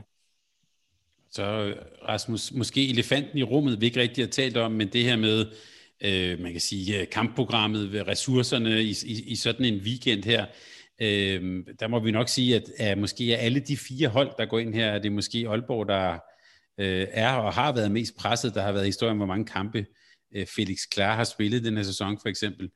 Øh, men når det er kølen, øh, spiller det overhovedet nogen rolle, eller hvad, hvad, hvad tænker du om det? Mm, jamen det synes jeg er svært at sige. Altså, der er jo ingen tvivl om, at altså, alle de her spillere normalt er, er vant til at spille rigtig mange kampe, man kan sige, det, det, er, ikke, det er ikke sikkert, at Aalborg helt på samme måde er det, som, som nogle af de her topspillere i, i nogle af de andre klubber. Øh, jeg synes det godt, man har kunne se på nogle af spillerne, at de har været lidt hårdt ramt, men det synes jeg egentlig mere var, var tilfældet lige efter øh, VM. Øh, men, men nu der, der er man jo nok øh, efterhånden øh, ude, så man kan se de sidste kampe ude i horisonten. Og, og der tror jeg bare, at når man først står i det, så øh, medmindre du har nogle skader og nogle skavanker, så, så giver du alt. Og så, altså det er jo også for nogle af de her spillere, det er jo, er jo, eller for alle spillere, det er jo kæmpe, kæmpe stort at være i de her kampe. Så, så det er jeg egentlig ikke så øh, bekymret for, at, at der skal nok være noget tilbage på tanken. Og så må man jo se, altså jeg tror jo godt, vi kan komme ud i et scenarie, at lad os antage, at de taber den her kamp mod, mod Paris, Paris Saint-Germain, at man så kan, kan gøre sådan nogle overvejelser i forhold til den her bronzekamp, og så spare nogle spillere der. det vil jeg nok i hvert fald gøre i, i deres, øh, hvis jeg var i deres sted. Men øh, nu skal vi jo lige se, om de kan vinde der først. Så øh, ej, jeg tror, det, det, det, tror jeg nok skal gå. Altså, det er jeg ikke så bekymret for, også fordi altså, skulle, skulle man være træt, så kan man jo ty til det her 7 mod 6 spil, som jo også giver noget, øh, noget ro. Øh, ja. Så hvis en bronkekamp, der kan Andreas Holst godt holde højre arm varm. Der, der får han lov. Sonny, du havde også en, lige en, en sidste bemærkning. Ja, det var bare, jeg tænkte over den her øh, fysiologiske del af det, ikke, hvor man siger, at der, der kan du sagtens være restitueret øh, for fodboldspillere, det 72 timer efter en kamp, ikke? men lad os så sige, at det er lidt mindre for håndboldspillere. Øh, man ved det nemlig ikke øh, fysiologisk set helt præcist, hvor lang tid det tager, men lad os sige 48 timer, to døgn efter de har spillet her i, i går. Øh, så fysiologisk set skulle man nok være klar, og så er der bare den mentale faktor. Øh, man er træt øh, sidst på sæsonen, men det er Champions League-fejl for. De er klar. Sådan er det bare. Godt. Jeg tror, vi er simpelthen, vi kunne tale om det her til langt ud på natten, er jeg bange for, men øh, øh, jeg tror, vi efterlader det her, eller er der noget vigtigt, vi mangler lige øh, til sidst omkring øh, Aalborg og Paris? Jeg ved ikke, så skal jeg lige lave et indspark i forhold til, at vi har ikke snakket så meget om uh, Paris' angrebsspil. Altså det, mm. det, det, som man ligesom uh, kan læse ud fra diverse statistikker, det er jo et, og som jeg egentlig også synes har været tilfældet for dem øh, i de seneste sæsoner, det er, at de er rigtig, rigtig gode til at afvente, til de får de store chancer. Øh, altså 29 gange per kamp, der øh, tager de chancer på 60% eller derover øh, for at få mål. Øh, og det er højst af alle i, i turneringen, og det synes jeg egentlig også har været tilfældet i de tidligere sæsoner. sæsoner. Forskellen er bare nu, at de spiller med mere fart, og de får flere chancer. Så øh, alt i alt, så må man også sige, at, at øh, de har fået toppet deres angrebsspil, som har været meget, meget forudsigeligt tidligere, men som, ja, nu vender vi jo tilbage til Luke Steins igen, men som med hans øh, ankomst har, har været meget mere sprudlende, end, end vi tidligere har set. Men nu siger du den gode udvikling, så vil man bare lige spørge til sidst, Rasmus. Øh, er det her deres sidste skud i bøssen for, for Paris' side? Øh, ikke, ikke nødvendigvis. Altså, ja, uden det skal blive alt for tek, øh, teknisk øh, og økonomisk, så kan man sige, at de har jo ligesom bebudet, at de fra 22 øh, vil, vil skære budgettet ned fra de her, ja, hvad er det, 19 millioner euro til 12. Og det, altså, det, betyder ikke, øh, det behøver ikke betyde så meget, for de kommer stadig til at ligge i toppen øh, af de fleste andre hold. Øh, så det handler om at kunne rekruttere rigtigt, og det har jeg da egentlig også tro på, at, at de kan fremadrettet, for det er måske ikke det, de har været allerstærkest på tidligere. Så nej, altså de har i hvert fald økonomien til sagtens at, at kunne, kunne tage et, en titel på et eller andet tidspunkt, men det er jo spørgsmålet om, hvor lang tid der bliver ved med at være tålmodighed til at, at smide penge i kassen. Mm. Øh, men altså, hvis du kigger på nogle af de hold, som, som tidligere har vundet, så er der i hvert fald mange af dem, der har gjort det med et budget, der har været lavere end, end 12 millioner euro. Så men jeg vil sige, øh, for, for så også at svare på de spørgsmål, så må man jo også bare sige, at det her er en historisk chance for dem. Altså, det synes jeg, det er. Godt. Lad os kigge på den anden semifinal. Den skal vi også lige nå omkring, og det er jo Øh, spilles kl. klokken 18 samtidig med Danmark-Finland, så dem, der har hang til begge dele, noget second screen, men det er Barcelona mod, øh, mod Nantes, og man kan sige, som vi var inde på helt til starten, Barcelona er selvfølgelig store favoritter, Øh, men sporene fra december og måske også tidligere øh, Final Four skræmmer måske en lille smule. Vi talte sidst om Barcelonas spil og øh, kaldte det for powerhåndbold, som er meget det, de kommer med, og som vi jo også ved, at mange trænere er meget glade for at kigge på og lade sig inspirere af. Øh, hvis vi lige starter øh, med dig, Sonny, hvad skal øh, Barcelona gøre for at nu at sikre, at deres weekend bliver afviklet med powerhåndbold og på deres præmisser?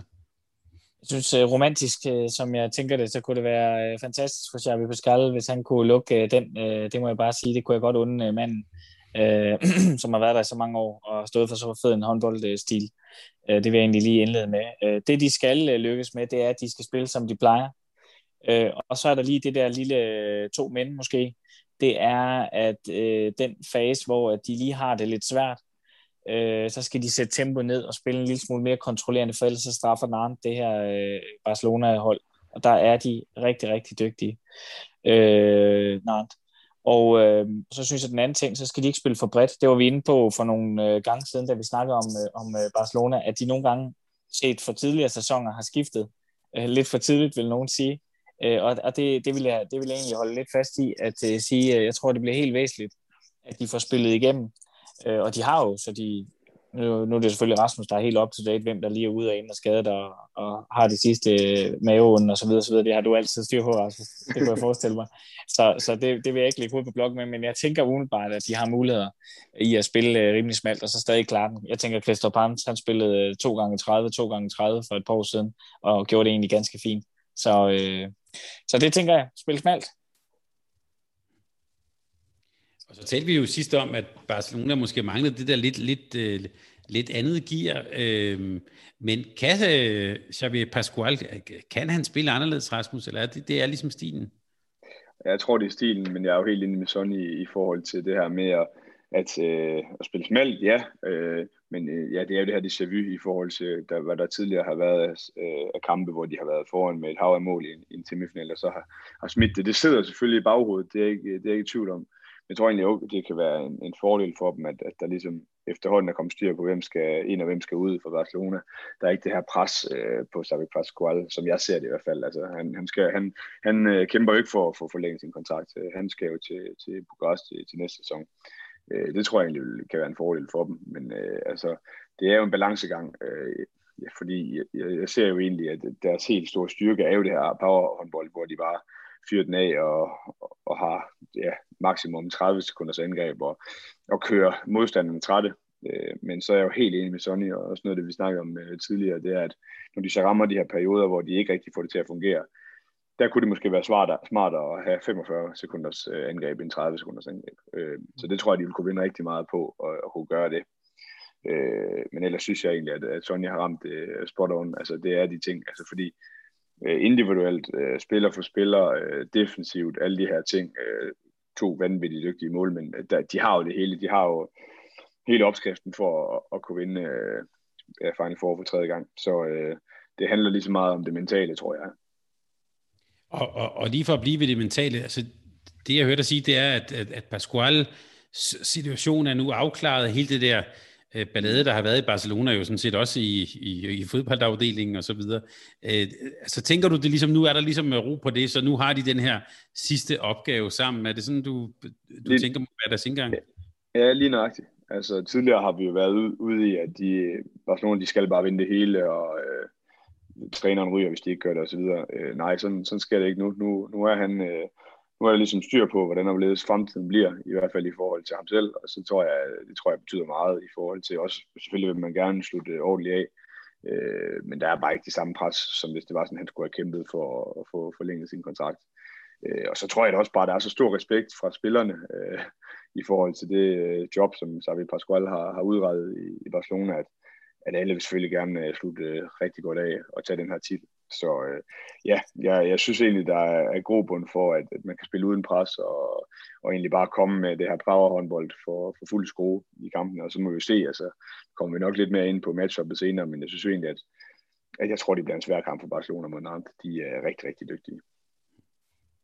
Lad os bare tage det med det samme, Rasmus. Øh, så kan, så kan, Sonny, så kan Sonny fylde på. Hvorfor, hvorfor bliver det svært for Barcelona? Jamen nu kan man jo blandt andet kigge på deres gruppekampe blandt andet den her kamp ned i, øh, i Barcelona, hvor Narn taber med et mål og, og spiller fremragende og, og har dem nede i sækken faktisk langt hen ad vejen. Øh, på trods af, at de manglede en hel del spillere, hvilket Narn jo nærmest har gjort i hele sæsonen, og nu begynder spillerne så lidt så til at, øh, at være klar igen, og det, det gør jo ikke chancerne mindre, kan man sige. Jeg synes, øh, de spiller, øh, de er gode til også at styre kampene. Altså de, i kampene mod, øh, mod Barcelona formår de også at gøre det lidt på deres præmisser, synes jeg, at det er ikke, Barcelona har svært ved at, at løbe lige så meget, fordi de afslutter godt, og øh, er egentlig også straffer Barcelona på nogle af de her kontraangreb øh, til tider i kampene. Øh, og så synes jeg egentlig også, at, at i Barcelona fik de også held med, at, at Barcelona de her perioder af kampene, hvor de ikke er så stærke, dem vinder, dem vinder Nantes også øh, med en to-tre mål. Øh, ja, så må jeg sige, at øh, jeg tænker at også, der er en Emil Nielsen, som gerne vil vise sig frem for, den, den klub, som formentlig bliver hans næste. Øh, det, det bliver også spændende at se. Jeg tror, der, der ligger en stor nøgle i forhold til ham og, og Sadiq Mem. Øh, altså, hvem vinder den, øh, hvem vinder den øh, kamp? De kan nemlig have været fantastisk og været den spiller, der har præsteret mest over forventningerne, altså i forhold til det her expected goals i, i gruppen. Øh, så det bliver også lidt spændende at se, om han kan fortsætte med det, fordi han har jo lidt haft en historik med, ja, jeg vil ikke at sige at choke, men i hvert fald har været mindre godt spillende i de her øh, Ja, både Champions League-finaler, men egentlig også i slutrunder og vigtige kampe. Altså, jeg mangler lidt at se ham, fordi øh, for et par år siden var jeg ret sikker på, at, at han på nuværende tidspunkt øh, klart vil være en af verdens bedste spillere. Og jeg synes jo egentlig, at han har været fremragende spillende i, øh, i Champions League. Det er slet ikke det, men jeg mangler bare at se ham tage 12 på ryggen og, og virkelig gå forrest i, i nogle af de her kampe, fordi vi er også ude i, at han nu efterhånden har, jeg tror det er hans fjerde øh, Final Four, måske tredje eller fjerde, noget i den dur, øh, og han har spillet en del slutrunder, øh, men vi har bare ikke rigtig set ham løfte et trofæ nu. Øh, så det selvfølgelig har han løftet en masse trofæer i Spanien, men, men nogle af de vigtige. Øh, så mm. det synes jeg egentlig også bliver spændende at se. Jeg tror, han, øh, det brænder ind i ham for at få, få lov at, vise, hvor dygtig han er, for han kan jo reelt set det hele. Han er jo så atletisk, at det er helt vildt. Øh, men, men lige det sidste, i, i de allervigtigste kampe, fordi det er jo det, vi godt kan lide at se, det er de bedste spillere, at de kan bevise, at de bedste kampe. Og fordi det er jo derfor, de er de bedste spillere. Det er fordi, de kan det. Øh, og det mangler jeg at se frem. Øh, så det bliver spændende at se. Øh, han kommer jo med en fantastisk stor fart i, i den her anden bølge, og, og det er ikke ret tit, man formår at stoppe ham der. Så det bliver også en lidt nøgle for Emil Nielsen at se, om han ikke ligesom kan, kan præstere der. Sonny, dine din tanker om, om hele matchuppet, som Rasmus er inde på? Ja, ja men, men øh, faktisk Rasmus, øh, synes jeg har fat i noget omkring øh, DKMM.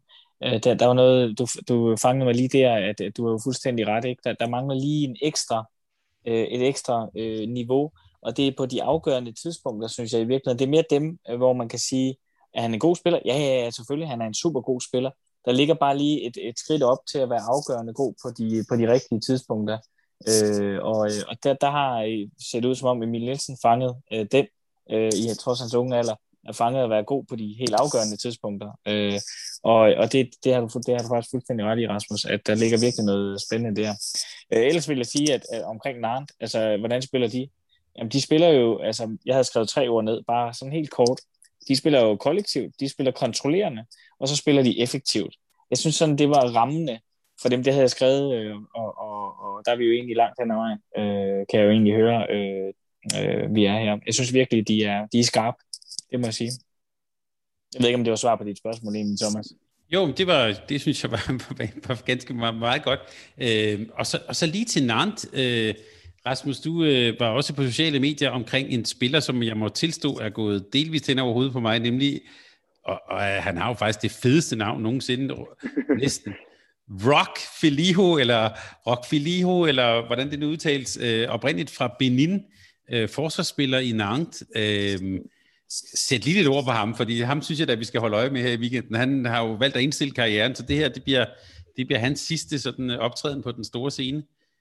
Ja, jamen han er en fantastisk spiller, og det er også lidt en fantastisk historie. Altså Naranda er jo en meget ny klub, øh, helt på toppen her, og var spillet jo i, ja, i tredje bedste række for ikke ret mange år siden, øh, og han har været med langt hen ad vejen, øh, haft lige et par afstikker, men, men ja, har været, nu været tilbage i rigtig mange år, lidt en, en klublegende dernede, og også kaptajn og anfører, jeg ved også for, for nogle af de danske spillere, der har været dernede, at han har været rigtig god til at tage, det, tage imod dem. Så det bliver, det bliver hårdt for dem at, at skulle undvære ham øh, til, til næste sæson. Øh, jamen, det er jo det spidskompetencen er jo det definitive. Det er jo der, han, han ligesom har styret tingene i mange år. Øh, god til at forudse tingene. Stærk og hård, men, men også rigtig dygtig til at undgå de her dumme udvisninger. Øh, han ser måske ikke ud som den helt store, øh, altså fysisk, men øh, han er rigtig, rigtig stærk øh, og dygtig. Dygtig paradespiller også. Øh, han har ikke haft så stor en rolle i år, vil jeg sige. Øh, han har været rigtig meget skadet, var også skadet i sidste, seneste øh, sæson, hvor han også øh, havde problemer. Så, øh, og der er nogle nye unge spillere, der, der er kommet øh, frem øh, i, i Naren, som ligesom har, lidt har overtaget noget af hans rolle, hvilket også har gjort, at de kan spille lidt mere i, i forhold til kontrafasen, at de ikke skifter så meget der.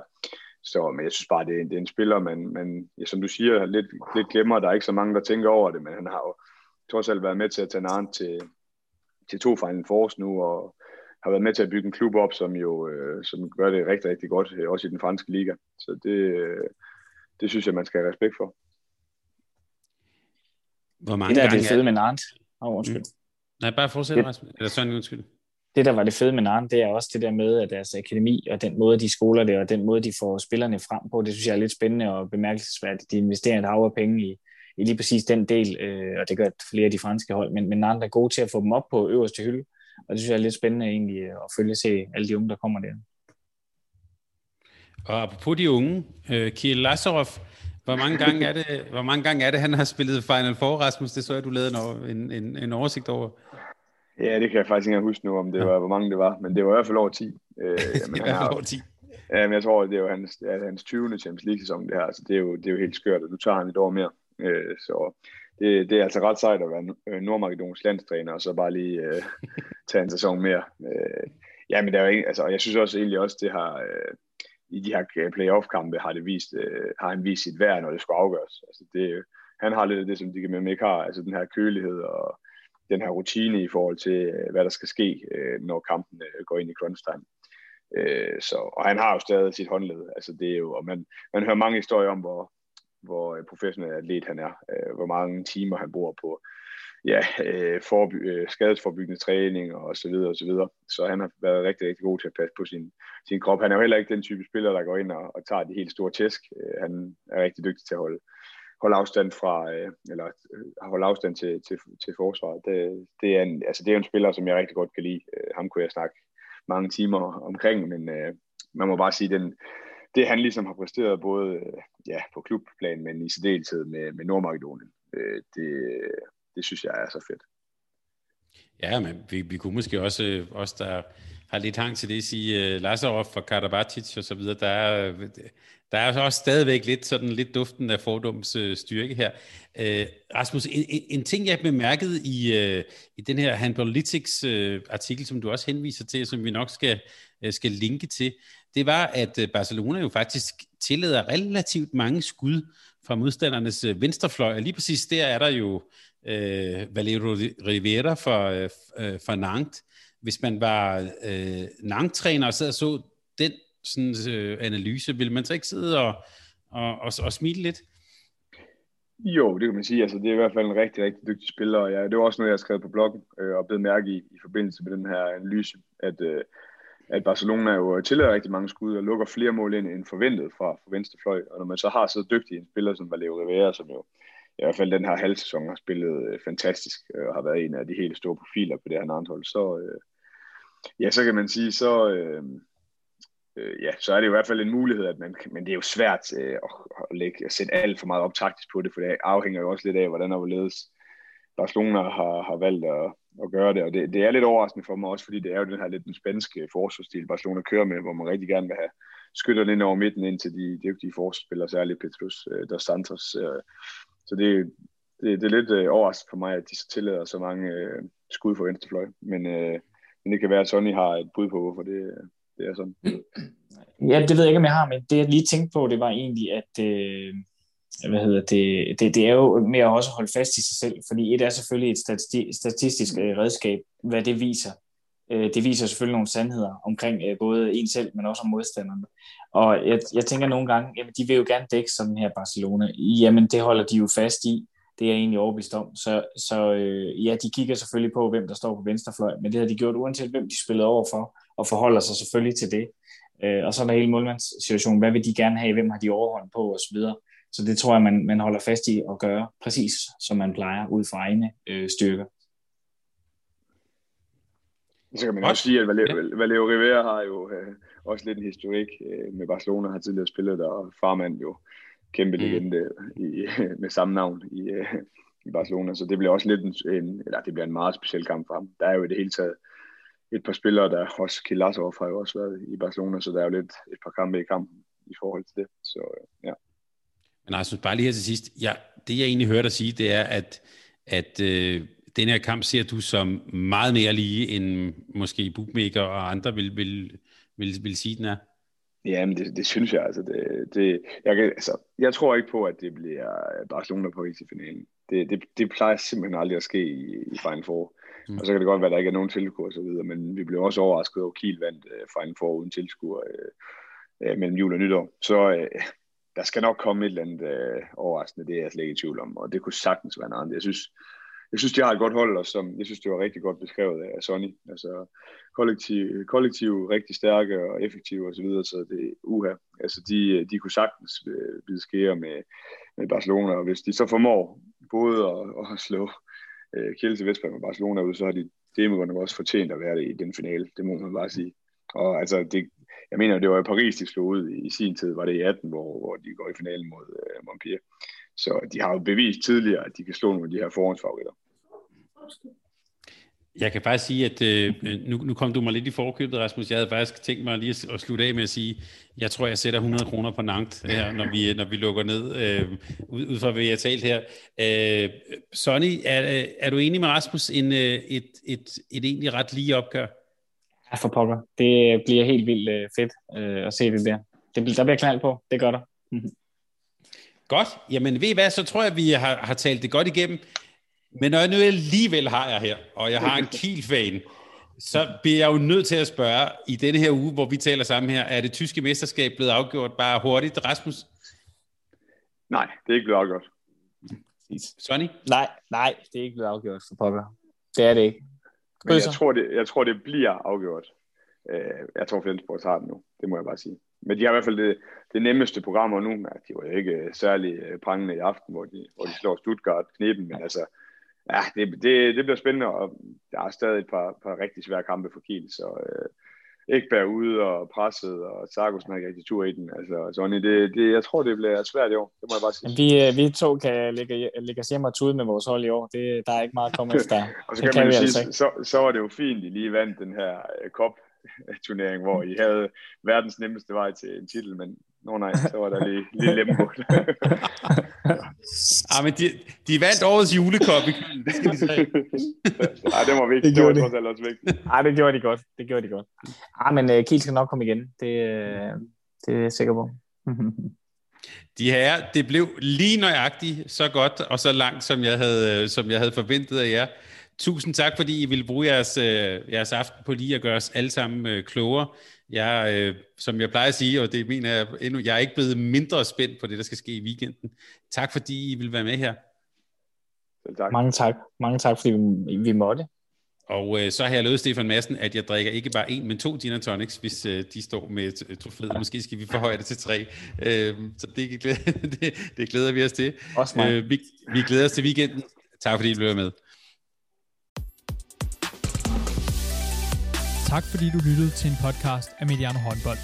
Hvis du kunne lide udsendelsen, så husk at abonnere på Mediano Håndbold, der hvor du hører podcasts. Så får du den seneste udsendelse serveret direkte til dig. Du må gerne fortælle dine venner om os, og husk at følge os på Facebook, Twitter og Instagram. Mediano Håndbold kan lade sig gøre, takket være Sparkassen Kronjylland. Vi har gået hånd i hånd siden foråret 2018,